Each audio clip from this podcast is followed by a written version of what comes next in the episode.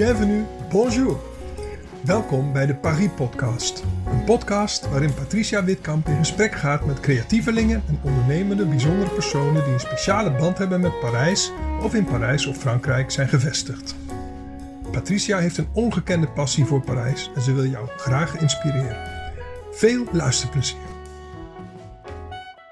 Vandaag is Margot van Huikelom te gast in de Paris Podcast. Van harte welkom, Margot. Ik heb ontzettend veel zin in ons gesprek.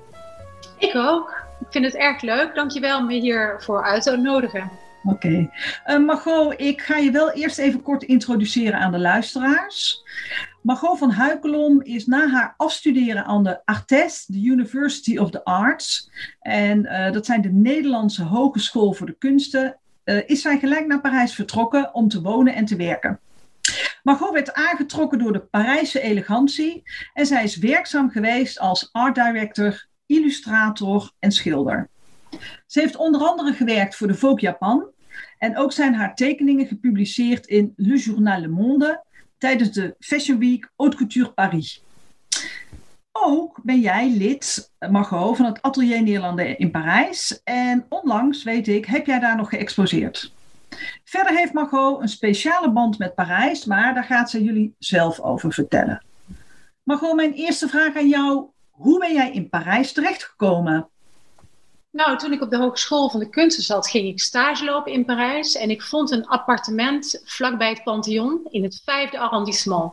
Ja? En dus de eigenaar van het appartement bleek een zeer aantrekkelijke Fransman te zijn.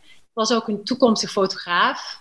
En met de Leica om zijn nek scheurden wij door heel Parijs op zijn vintage Moto Bicaan. Weet je, zo'n ouderwetse, zo'n uh, zo'n oude, ja, hoe zou ik zeggen, mobilet. Of hoe noem je dat in het Nederlands? Een ja, een, een, een, een, een een ja, brommer. Had ook die ouderwetse helmen op. Was echt heel erg, uh, was een leuke foto, denk ik. En toen konden we ook nog met die motorbecaan onder de Eiffeltoren. Dat was allemaal natuurlijk, Parijs was toen nog wel ietsje anders, iets vrijer. We deden wat we wilden toen. Ja. En het was we ongeveer? Ja, het was ergens in de 80 jaar, 100 jaar geleden. 90 jaar, denk ik eerder. Mm -hmm. 80, 90 jaar. En het was echt de tijd van mijn leven. We hebben gedanst langs de scènes, feestjes met heel veel vrienden daar. Uh, de picknicks in de Jardin de Luxembourg met een heerlijk flesje wijn. En ik werd echt helemaal verliefd op Parijs en verliefd op die leuke Franse fotograaf. Okay. Dus na mijn afstuderen ben ik echt meteen teruggegaan naar uh, Parijs, waar ik als artiest ben gaan werken. Later kregen we dus twee kinderen en we zijn 30 jaar bij elkaar geweest. Oh. Dat is ja, ja. En, en hoe is je werkzame leven gestart in Parijs, Margot? Nou, inderdaad, ik ben daar gewoon aan de slag gegaan. En toen was nog van, uh, je, je stak je handen maar uit en het werk viel er gewoon in. Er was echt enorm veel uh, werk toen. En uh, ik ben daar eigenlijk als modeontwerper begonnen. Ik ben daarnaast zijn mijn tekeningen. Ik kreeg zoveel aandacht dat op een gegeven moment me steeds meer vroeg om tekeningen te maken. Ja. Ik, ben, ik heb toen agenten gekregen.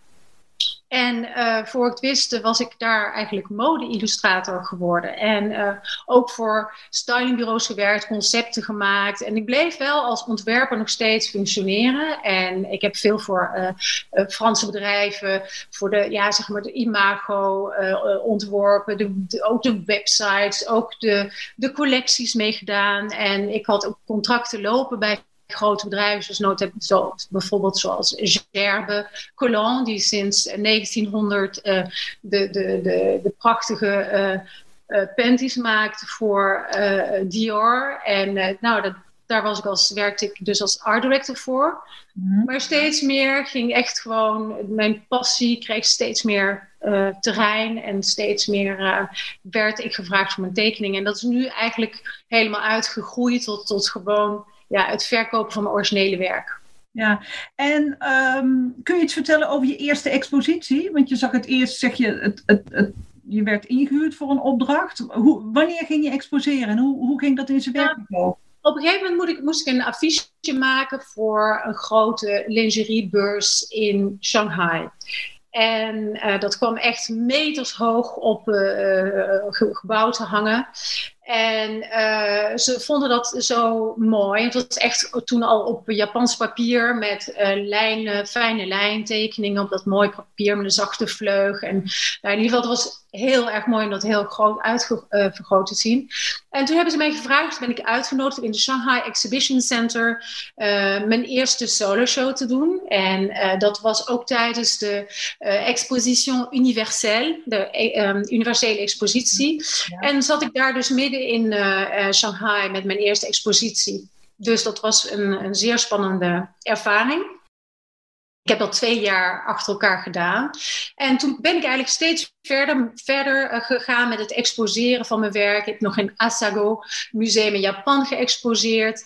En ja, eigenlijk altijd mijn werk overal laten zien en verkocht. En nu is het ja, mijn, mijn belangrijkste activiteit. Ja, je sprak net al over Japans papier, maar uh, uh, ik weet uit ons voorgesprek, je hebt een voorliefde voor Japan, je bent daardoor gefascineerd.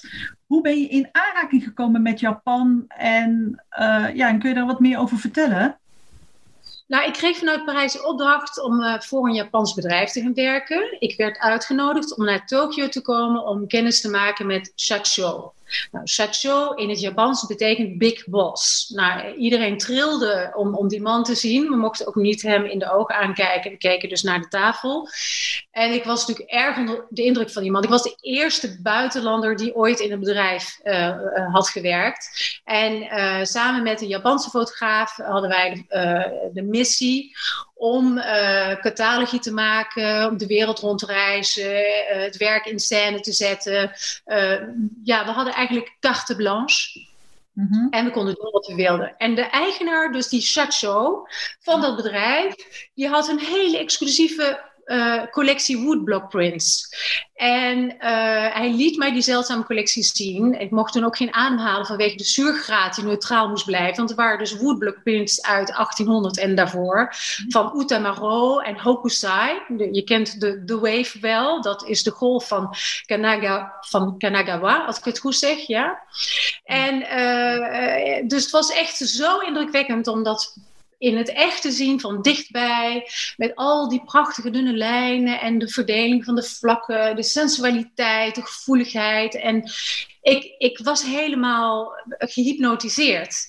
En Chateau keek naar mij en die dacht van, die heeft toen tegen mij gezegd van, jij moet naar zo'n winkel van uh, de kunstenaarsbenodigdheden in Tokio. En hij heeft mij op de taxi gezet. Ja. En uh, ik heb daar heel veel materiaal gekocht. Voor het eerst in mijn leven echt al die prachtige verschillende papiersoorten gezien. Ja. Van de vleug, van de tint, van het meer roze, het, het crème, crèmekleurige.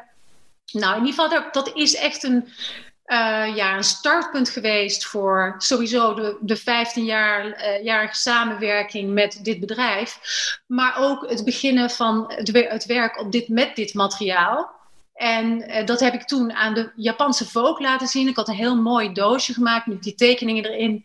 En ik ben meteen toen voor Vogue gaan werken. Dus van het een kwam het ander. Oh, fantastisch. Ja, ja dat, en, ja. En, en nu al je, al je portretten die je maakt, ook alleen maar op Japans materiaal of Japans papier? Voornamelijk. voornamelijk. Ik koop echt mijn, Jap mijn, mijn papier in Japan. En uh, uh, wat ik nu, omdat ik nu natuurlijk niet wil reizen, heb natuurlijk ook mijn eigen adresjes ervoor. En ik teken en schilder voornamelijk vrouwen. Eigenlijk zijn het portretten van vrouwen. Het is een ode à la femme et la féminité. Het is dus de, de ode aan de vrouw en haar vrouwelijkheid. Mm -hmm. En ik zoek altijd naar een poëzie van contrasten, wat je ook in de, in de uh, woodblock prints terug kunt zien. Het is een fusie van tegenstelling waar de vrouw in de huidige maatschappij eigenlijk vol van zit. Dus uh, ze kan heel zacht zijn of heel krachtig. Het is of het heel impertinente meisje of de pragmatische vrouw. En het zijn nou juist die expressieve uitdrukkingen waar ik de kijker mee naartoe wil nemen. En ik wil laten zien aan die kijker hoe ik die vrouw zie. Dat is eigenlijk uh, voor mij, ja, iedere keer weer zit ik voor dat witte vel papier en begaan de slag met al die materialen en al die kennis die ik al die jaren heb opgedaan. Aquarel, uh, uh, lijntekeningen, uh, het, het, drukken, het, het met met spuitbussen werken. En ik heb echt zo mijn eigen keuken gemaakt van al die recepten bij elkaar die tot een mooi resultaat uh, voor een mooi resultaat zorgt. En ineens staat die vrouw daar of ze is onthuld of ze, is, ze verstopt zich of ze laat iets niet zien of iets wel van zichzelf zien, maar ze staat er en het is bijna alsof je, ja, alsof je ergens haar uit een blok hakt en ze staat ineens op papier en ze kijkt je aan. Het is iedere keer weer zo'n magisch moment. Ja, en ik, ook. ja, sorry. Nou, ik heb uh, um, als, als huiswerk voor dit gesprek uh, heb ik ontzettend veel prenten of tekeningen van jou gezien. Uh, en ik verbaas me erover. Dan denk ik, hoe, ja, hoe krijg je het bij elkaar? Ja, gedacht is waarschijnlijk niet het juiste woord. Maar ik zie ja. zo'n ontzettende afwisseling, terwijl het alleen, ja, eigenlijk alleen maar, alleen maar tussen aanhalingstekens, alleen maar vrouwen zijn. Eh, met hoed, zonder hoed, accessoires, eh, lopend, eh, kijkend, niet kijkend, eh, verschil in kleur, verschil in grootte. En eh, ja, ik ben er heel erg van onder de indruk. Um, hoe, ja, hoe kom je toch steeds tot een nieuw portret? Ja, het komt gewoon iedere keer vanzelf. Het is ook bijna een vorm van, een beetje arrogant misschien te zeggen, maar bijna een vorm van meditatie. Die concentratie is dan zo hoog. Je gaat zo, ja, uh, die confrontatie weer aan, telkens weer met dat lege vel. En het is natuurlijk het kijken naar mensen en de schetsboekjes vol, ook tijdens de shows van de uh, Fashion Week Haute Couture Parijs. Zat ik in de Valentino Show of de Dior Show. Tussen de meisjes op de grond. Ik keek naar rechts, naar links. Overal waar ik keek. Ik werd er zo ontzettend enthousiast van. Al die houdingen en die leuke, ja inderdaad weer die impertinente houdingen van die jonge meisjes. En als ze dan uit hun oude spijkerbroek stapten. De Haute Couture jurk in was het als een pauw die zijn vouwen uit, uh, of zijn veren, sorry, uit ging zetten, weet je wel. Ja. En die metamorfose en ook die dubbelzinnigheid van hetzelfde mens, van diezelfde vrouw, van kind tot vrouw, of van een beetje rebels meisje met haar grote laars en ineens op het hakjes als een veetje of als een, als een hertje wegloopt, is dat spel, dat spel, wat vertelt dat ons nou weer? En dan ga ik dan daarnaar zoeken. En wat laat ik weg en wat laat ik de kijker afmaken van een hand wat ineens niet er is en wat bestaat door uitsparing of, en al die spanning en al die uh, excitement krijgt er dat telkens er weer tevoorschijn komt. Maar het kan ook mijn dochter die ik ik kijk dan, dan als uh, zich aan het opmaken is en dan ben ik gewoon helemaal, uh, ja, ga ik daar helemaal in op in die details van de, haar bewegingen, uh, hoe ze haar mondje opkrult om die lipstift erop te smeren, of hoe dat onhandig gaat, of hoe, hoe, hoe iemand bezig is ook met een beeld van zichzelf neer te zetten. En wat ook heel lastig is, is dat continu weer dat verwachtingspatroon en het voldoen aan en het juist uh, en het ook niet willen soms. En uh, het zegt ook heel veel van mezelf, van de vrouwen die ik ben eigenlijk. Ja. Ja, nou ja, ik, ik wilde een soort bruggetje maken van, van in hoeverre uh, is elk portret ben jij zelf. Ik kan me voorstellen dat je ja, met al je werk en levenservaring um, ja, ook steeds een andere rol aanneemt. En die rol dan ook weer spiegelt naar een jonge iemand, misschien een wat oudere dame, een leeftijdsgenoot, afhankelijk van je, van je levensfase waarschijnlijk. Mm, exactement, ja precies. Ik, uh, ben, uh, ik zie mezelf terug en ook vaak zeggen mensen ook van je, je lijkt enorm veel op je eigen tekeningen. En ik doe dat echt niet expres en het is ook helemaal niet de bedoeling. Maar uh, ze, ze zijn, ja, ik ben wel degelijk aanwezig in mijn eigen werk, ja.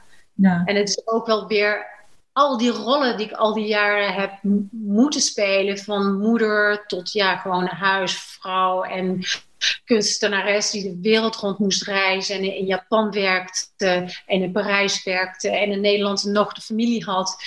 En, en, en dat is inderdaad ook continu uit je comfortzone moeten komen. En iedere keer dacht ik, oh, ik moet weer, daar ga ik weer. En, en, en telkens weer toch angsten die naar boven kwamen, die ik dan telkens weer moest overwinnen. En nou denk ik, als ik erop terugkijk, van was dat nou niet waar het allemaal om ging. Misschien is de tekening wel niet het enige resultaat, is wat de proces wat ik heb uh, doormaakt. Het proces, het durven doen. Uh, ik, ik weet dat er voor jou ook internationale exposities aan gaan zitten komen. Um, um, Margot, afhank ja, afgezien van het feit hè, over het groeiproces van je portretten, um, heb jij een bepaald levensthema of levensmotto wat je in je dagelijks leven gebruikt? Of misschien in relatie tot je portretten, tot je kunst? Ja, dat komt weer heel erg terug bij waar, waar we het zojuist over hadden. Is, uh, mijn vader zei altijd tegen mij, uh, dat is een zinnetje van een onbekende dichter. Een mens lijdt het meest door het lijden dat hij vreest, doch dat nooit komt opdagen. Ik begreep dat nooit dat hij dat altijd zei, want ik als kind begreep ik niet wat het betekende. Ja. Maar nu weet ik dat inderdaad, doordat ik iedere keer uit mijn comfortzone moest, mijn control zone moest, eh, vanwege het professionele mhm. veld waarin ik zat, uh, kwam het toch iedere keer weer goed. Ik, uh, uh, ik denk telkens weer, ja, papa, je had gelijk. We, we zijn vaak zo bang en het gebeurt dan gewoon niet. En dan nu, als die angsten naar boven komen, denk ik van, hé, hey, denk nog eens een keer aan, dat, aan die quote en dan gaat het, komt het altijd weer goed. Ja. ja, mooi. Je zegt, je leidt altijd meer, of je leidt het meest van het lijden dat je vreest. Ja. Um, uh, en uiteindelijk uh, in je hoofd kun je het zo groot maken. En uiteindelijk, je kunt niks voorspellen. Het gaat uiteindelijk toch altijd uh, anders dan anders. Um, kun je iets vertellen over hoe jij je toekomst ziet, 2021? Mag je, mag je daar al iets over vertellen trouwens? Ja, ik ben met echt uh, hele uh, interessante projecten bezig. Met name uh, met een curator, of ik weet niet, een kunstcurator in Nederland. Die heet Nicole Uniquol. En die gaat over het grote expositie Ode aan het Nederlands landschap. welke zich zal bevinden in Den Haag in september.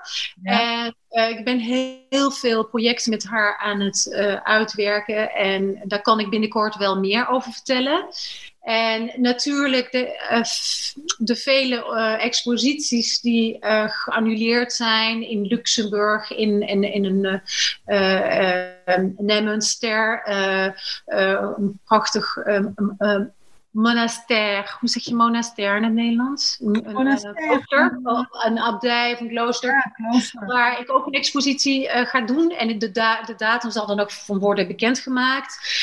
En uh, ik, ja, zo heb ik meerdere exposities. En ik denk ook wel in uh, Atelier Néerlandais, waar je natuurlijk ook een prachtige ruimte hebt en waar mijn werk echt enorm goed uh, tot zijn recht kwam. En met echt veel dank aan de Nederlandse ambassade en onze geweldige ambassadeur Pieter Gooyer, die echt uh, fantastisch uh, geïnteresseerd en met veel passie en, en, en aandacht naar ons werk heeft altijd gekeken en onder, onder de aandacht heeft gebracht van de buitenwereld. We hebben echt een enorme kans bij Nederlandse kunstenaars dat platform te hebben en die ruimte.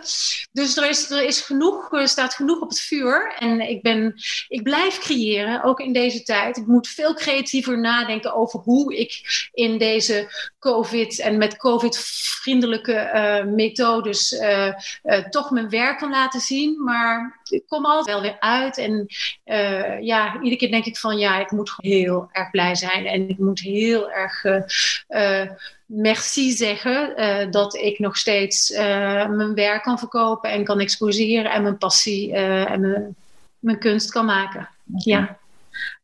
Margot, voor jou een hele grote merci, grand merci.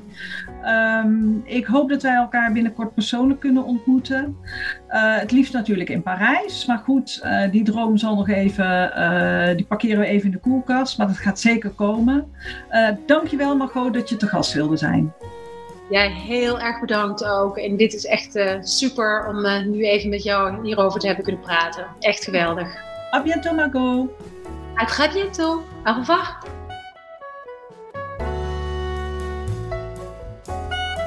Dankjewel voor het luisteren naar deze Paris-podcast. A bientôt.